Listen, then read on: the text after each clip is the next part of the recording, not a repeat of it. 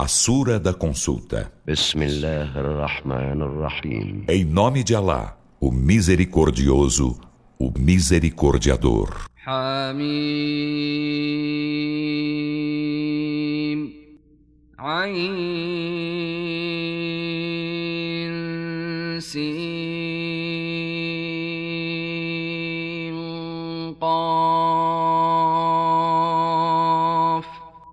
كذلك يوحي إليك وإلى الذين من قبلك الله العزيز الحكيم Min, Ain Sin Kaf.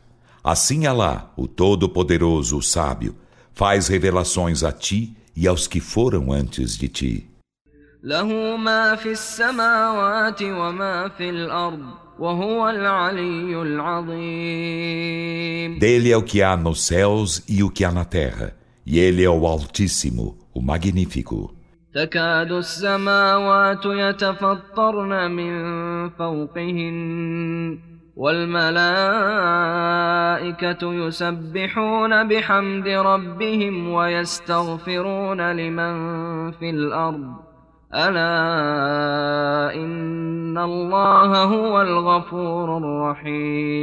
Quase os céus se espedaçam de cima a baixo por sua magnificência, e os anjos glorificam com louvor a seu Senhor e imploram perdão para quem está na terra. Ora, por certo Alá, ele é o perdoador, o misericordiador. دونه أولياء الله حفيظ عليهم وما أنت عليهم بوكيل E os que tomam além dele protetores, Alá sobre eles é custódio, e tu, Mohammed, sobre eles não és patrono. وكذلك أوحينا إليك قرآنا عربيا لتنذر أم القرى ومن حولها وتنذر يوم الجمع لا ريب فيه فريق في الجنة وفريق في السعير E assim revelamos-te um Alcorão árabe para admoestares a mãe das cidades e a quem está a seu redor, e para os admoestares o indubitável dia do juntar. Um grupo estará no paraíso e um grupo estará no fogo ardente.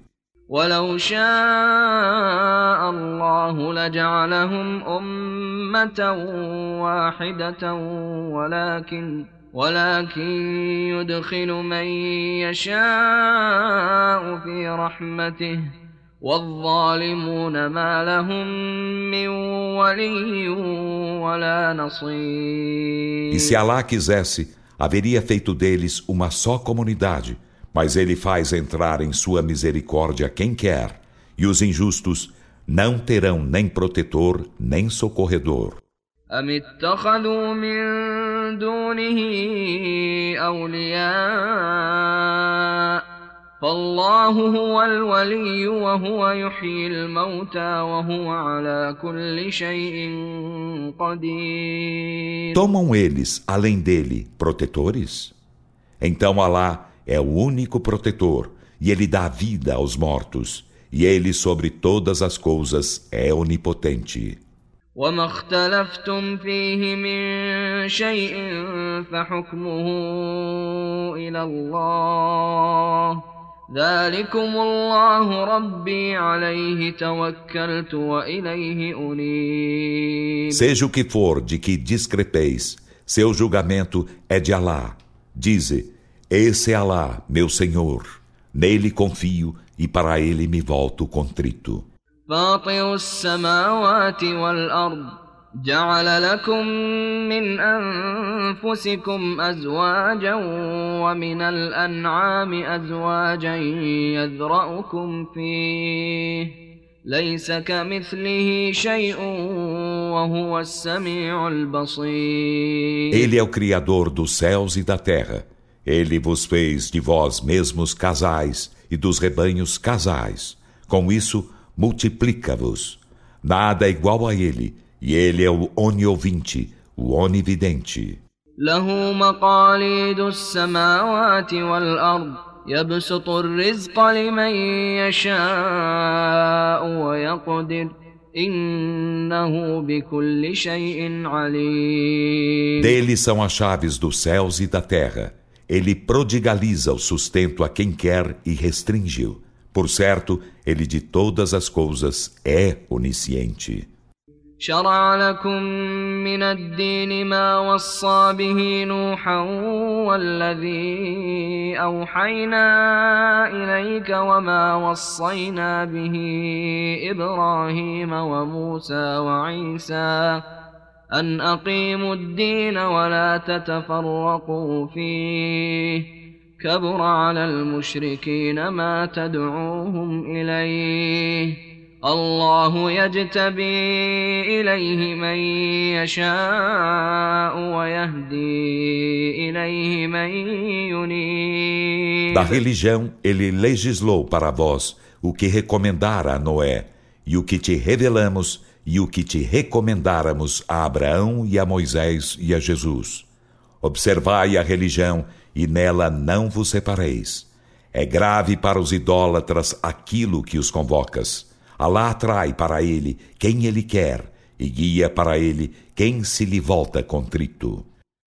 وما تفرقوا إلا من بعد ما جاءهم العلم بغيا بينهم ولولا كلمة سبقت من ربك إلى أجل مسمى لقضي بينهم وإن الذين أورثوا الكتاب من بعدهم لفي شك منه مريب E eles não se separaram, senão após haver-lhes chegado a ciência, movidos por rivalidade entre eles.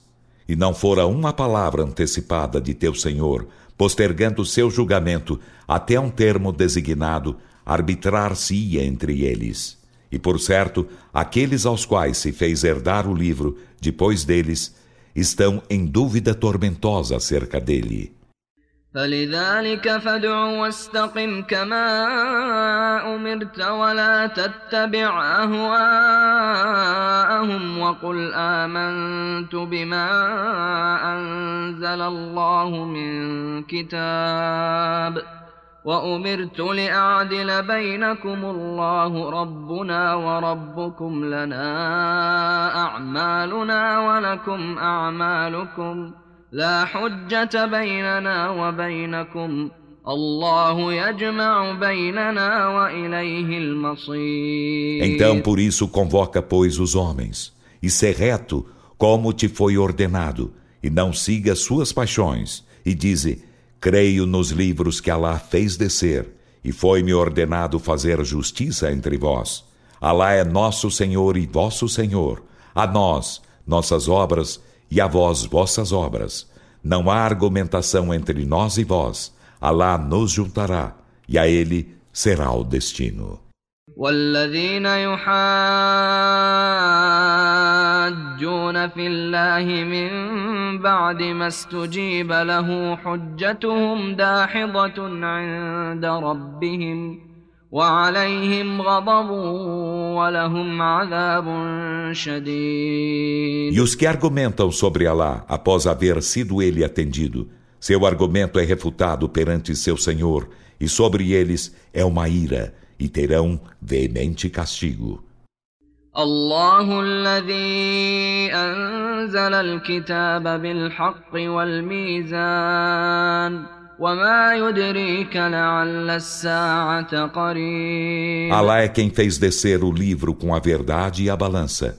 E o que te faz inteirar-te de que a hora talvez esteja próxima? يستعجل بها الذين لا يؤمنون بها والذين آمنوا مشفقون منها ويعلمون أنها الحق ألا إن الذين يمارون في الساعة لفي ضلال بعيد Os que nela não creem procuram apressá-la, e os que creem estão dela amedrontados e sabem que ela é a verdade.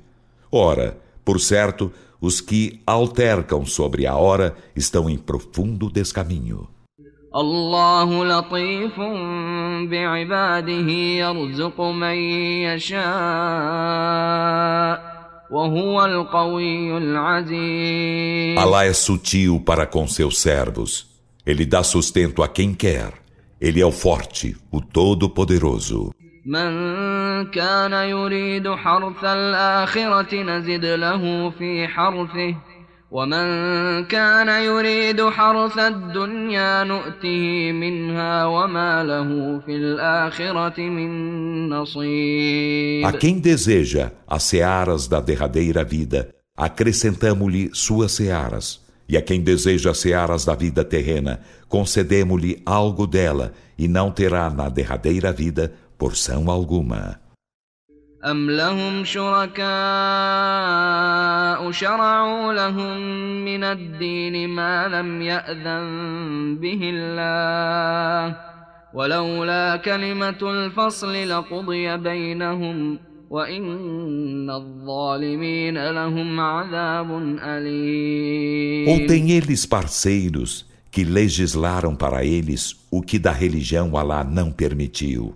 e não for a palavra da decisão haver-se arbitrado entre eles. E por certo, os injustos terão doloroso castigo. ترى الظالمين مشفقين مما كسبوا وهو واقع بهم والذين آمنوا وعملوا الصالحات في روضات الجنات لهم ما يشاءون عند ربهم ذلك هو الفضل الكبير Verás os injustos amedrontados do que cometeram, enquanto ele estiver caindo sobre eles. E os que creem e fazem as boas obras estarão nos floridos campos dos jardins. Terão o que quiserem junto de teu Senhor. Esse é o grande favor. ذلك الذي يبشر الله عباده الذين آمنوا وعملوا الصالحات قل لا أسألكم عليه أجرا إلا المودة في القربى ومن يقترف حسنة نزد له فيها حسنا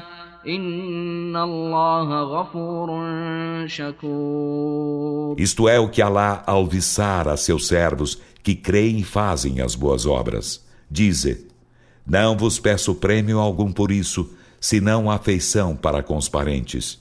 E quem pratica boa ação, nós a esta acrescentaremos algo de bom. Por certo, Alá é perdoador, agradecido. أم يقولون افترى على الله كذبا فإن يشأ الله يختم على قلبك ويمحو الله الباطل ويحق الحق بكلماته إنه عليم بذات الصدور Ou dizem, ele forjou mentira acerca de Alá? Então se Alá quisesse, selar-te-ia o coração. E Alá cancela a falsidade e estabelece com suas palavras a verdade. Por certo, ele do íntimo dos peitos é onisciente.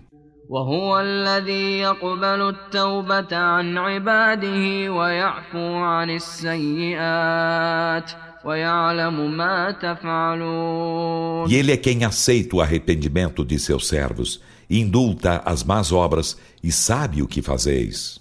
ويستجيب الذين آمنوا وعملوا الصالحات ويزيدهم من فضله والكافرون لهم عذاب شديد E ele atende aos que creem e fazem as boas obras e acrescenta-lhes algo de seu favor, e os renegadores da fé terão veemente castigo. ولو بسط الله الرزق لعباده لبغوا في الأرض ولكن ينزل بقدر ما يشاء إنه بعباده خبير بصير E se Alá prodigalizasse o sustento a seus servos, haveriam cometido transgressão na terra, mas ele faz descer na justa medida o que quer. Por certo, ele de seus servos é conhecedor, onividente. وهو الذي ينزل الغيث من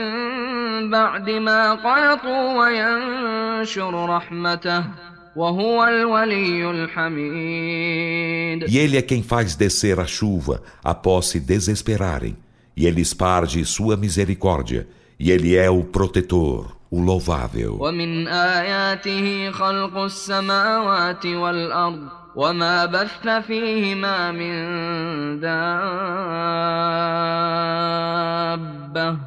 وهو على جمعهم إذا يشاء قدير E entre seus sinais está a criação dos céus e da terra e dos seres animais, que ambos espalha. E ele, para juntá-los quando quiser, é onipotente. وما أصابكم من مصيبة فبما كسبت أيديكم ويعفو عن كثير E o que quer que vos alcance de desgraça é pelo que vossas mãos cometem, e ele indulta a muitos. وما أنتم بمعجزين في الأرض وما لكم من دون الله من ولي ولا E نصير não podeis escapar do castigo de Alá na terra, e não tendes, além de Alá, nem protetor, nem socorredor. ومن آياته الجوار في البحر كالأعلام E entre seus sinais estão as naus correntes no mar, elevadas como as montanhas.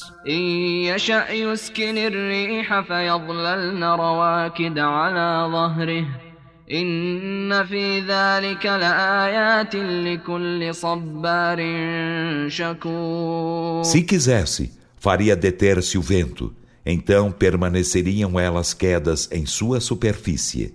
Por certo há nisso sinais para todo perseverante, agradecido. أو يوبقهن بما كسبوا ويعفو عن كثير Ou as faria naufragar com seus viajores pelo que cometeram, e a muitos indultaria. ويعلم الذين يجادلون في آياتنا ما لهم من محيص Isso para exortar os crentes e para que os que discutem acerca de nossos sinais saibam que não terão fugida alguma.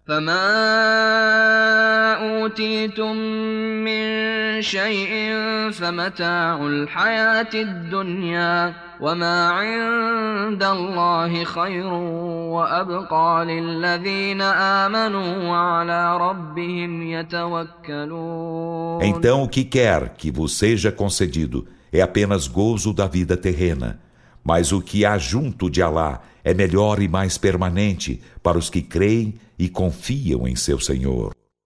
والذين يجتنبون كبائر الإثم والفواحش وإذا ما غضبوا هم E يغفرون para os que evitam os grandes pecados e as obscenidades, e que, quando irados, perdoam.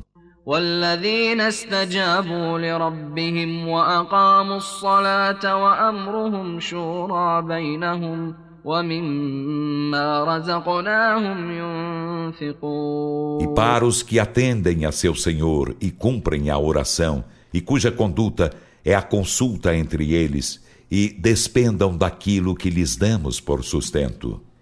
والذين إذا أصابهم البغي هم ينتصرون. E para os que se defendem quando a opressão os alcança. وجزاء سيئة سيئة مثلها. فمن عفا وأصلح فأجره على الله.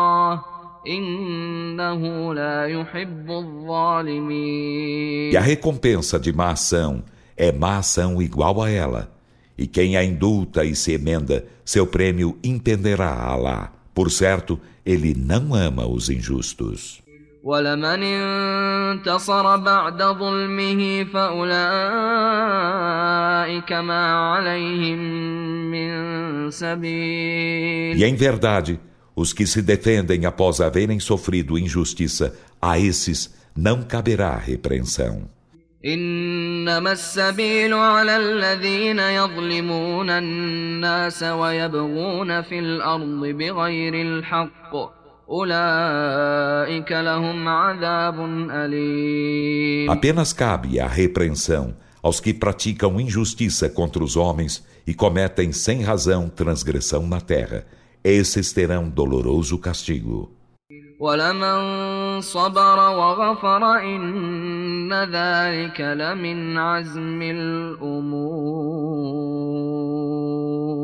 E em verdade, quem pacienta e perdoa, por certo, isso é da firmeza indispensável em todas as resoluções. ومن يضلل الله فما له من ولي من بعده وترى الظالمين لما رأوا العذاب يقولون هل إلى مرد من سبيل E aquele a quem Alá descaminha não terá depois dele protetor algum. E tu verás os injustos quando virem o castigo dizer: Há caminho para a revogação disso?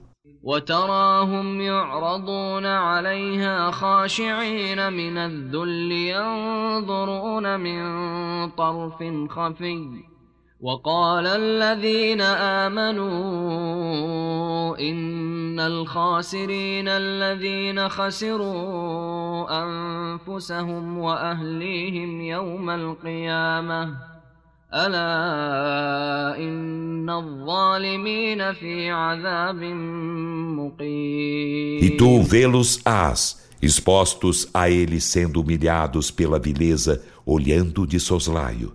E os que creem dirão, por certo, os perdedores são os que se perderam a si mesmo e as suas famílias no dia da ressurreição.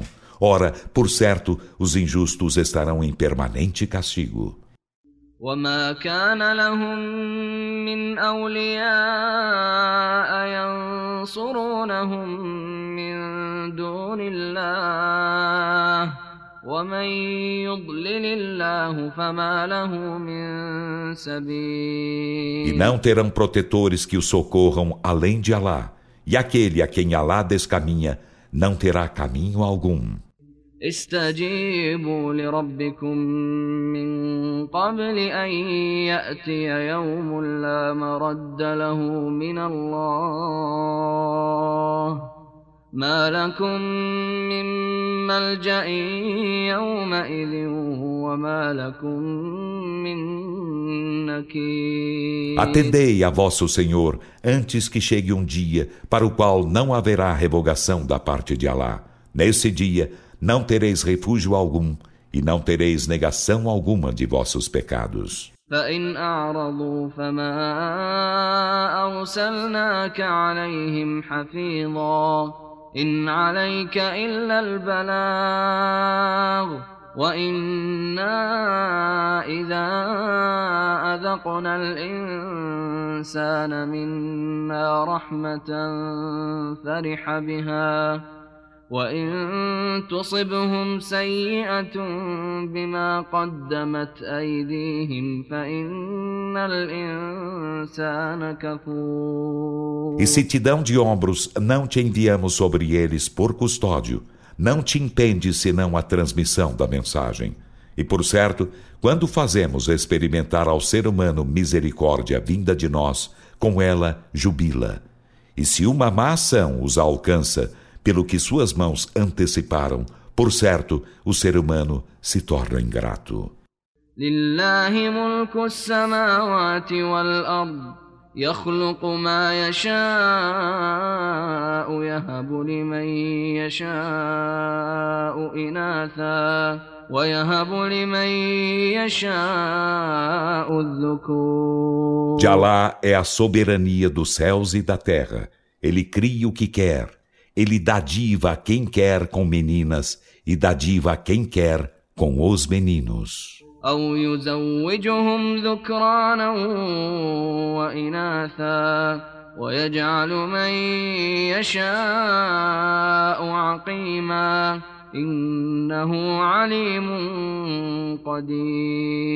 Ou os reúne em casais de meninos e meninas, e faz estéril a quem quer, Por certo, ele é onisciente, onipotente.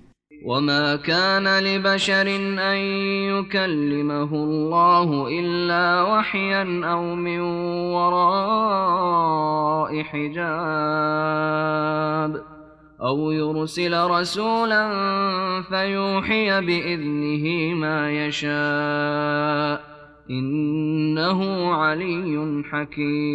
não é admissível a um mortal que Allah lhe fale, senão por revelação ou por trás de um véu, ou pelo envio de um mensageiro. Então este revela com sua permissão o que ele quer. Por certo, ele é altíssimo, sábio. وكذلك أوحينا إليك روحا من أمرنا ما كنت تدري ما الكتاب ولا الإيمان ولكن جعلناه نورا نهدي به من نشاء من عبادنا وإنك لتهدي إلى صراط مستقيم E assim revelamos-te um espírito de nossa ordem. Tu não estavas inteirado do que era o livro, nem do que era a fé, mas nós o fizemos como luz com que guiamos a quem queremos de nossos servos. E por certo, tu guias os homens a uma senda reta. صراط الله الذي له ما في السماوات وما في الأرض ألا إلى الله تصير الأمور a senda de Alá, de quem é o que há nos céus e o que há na terra. Ora, a Alá destinam-se as determinações.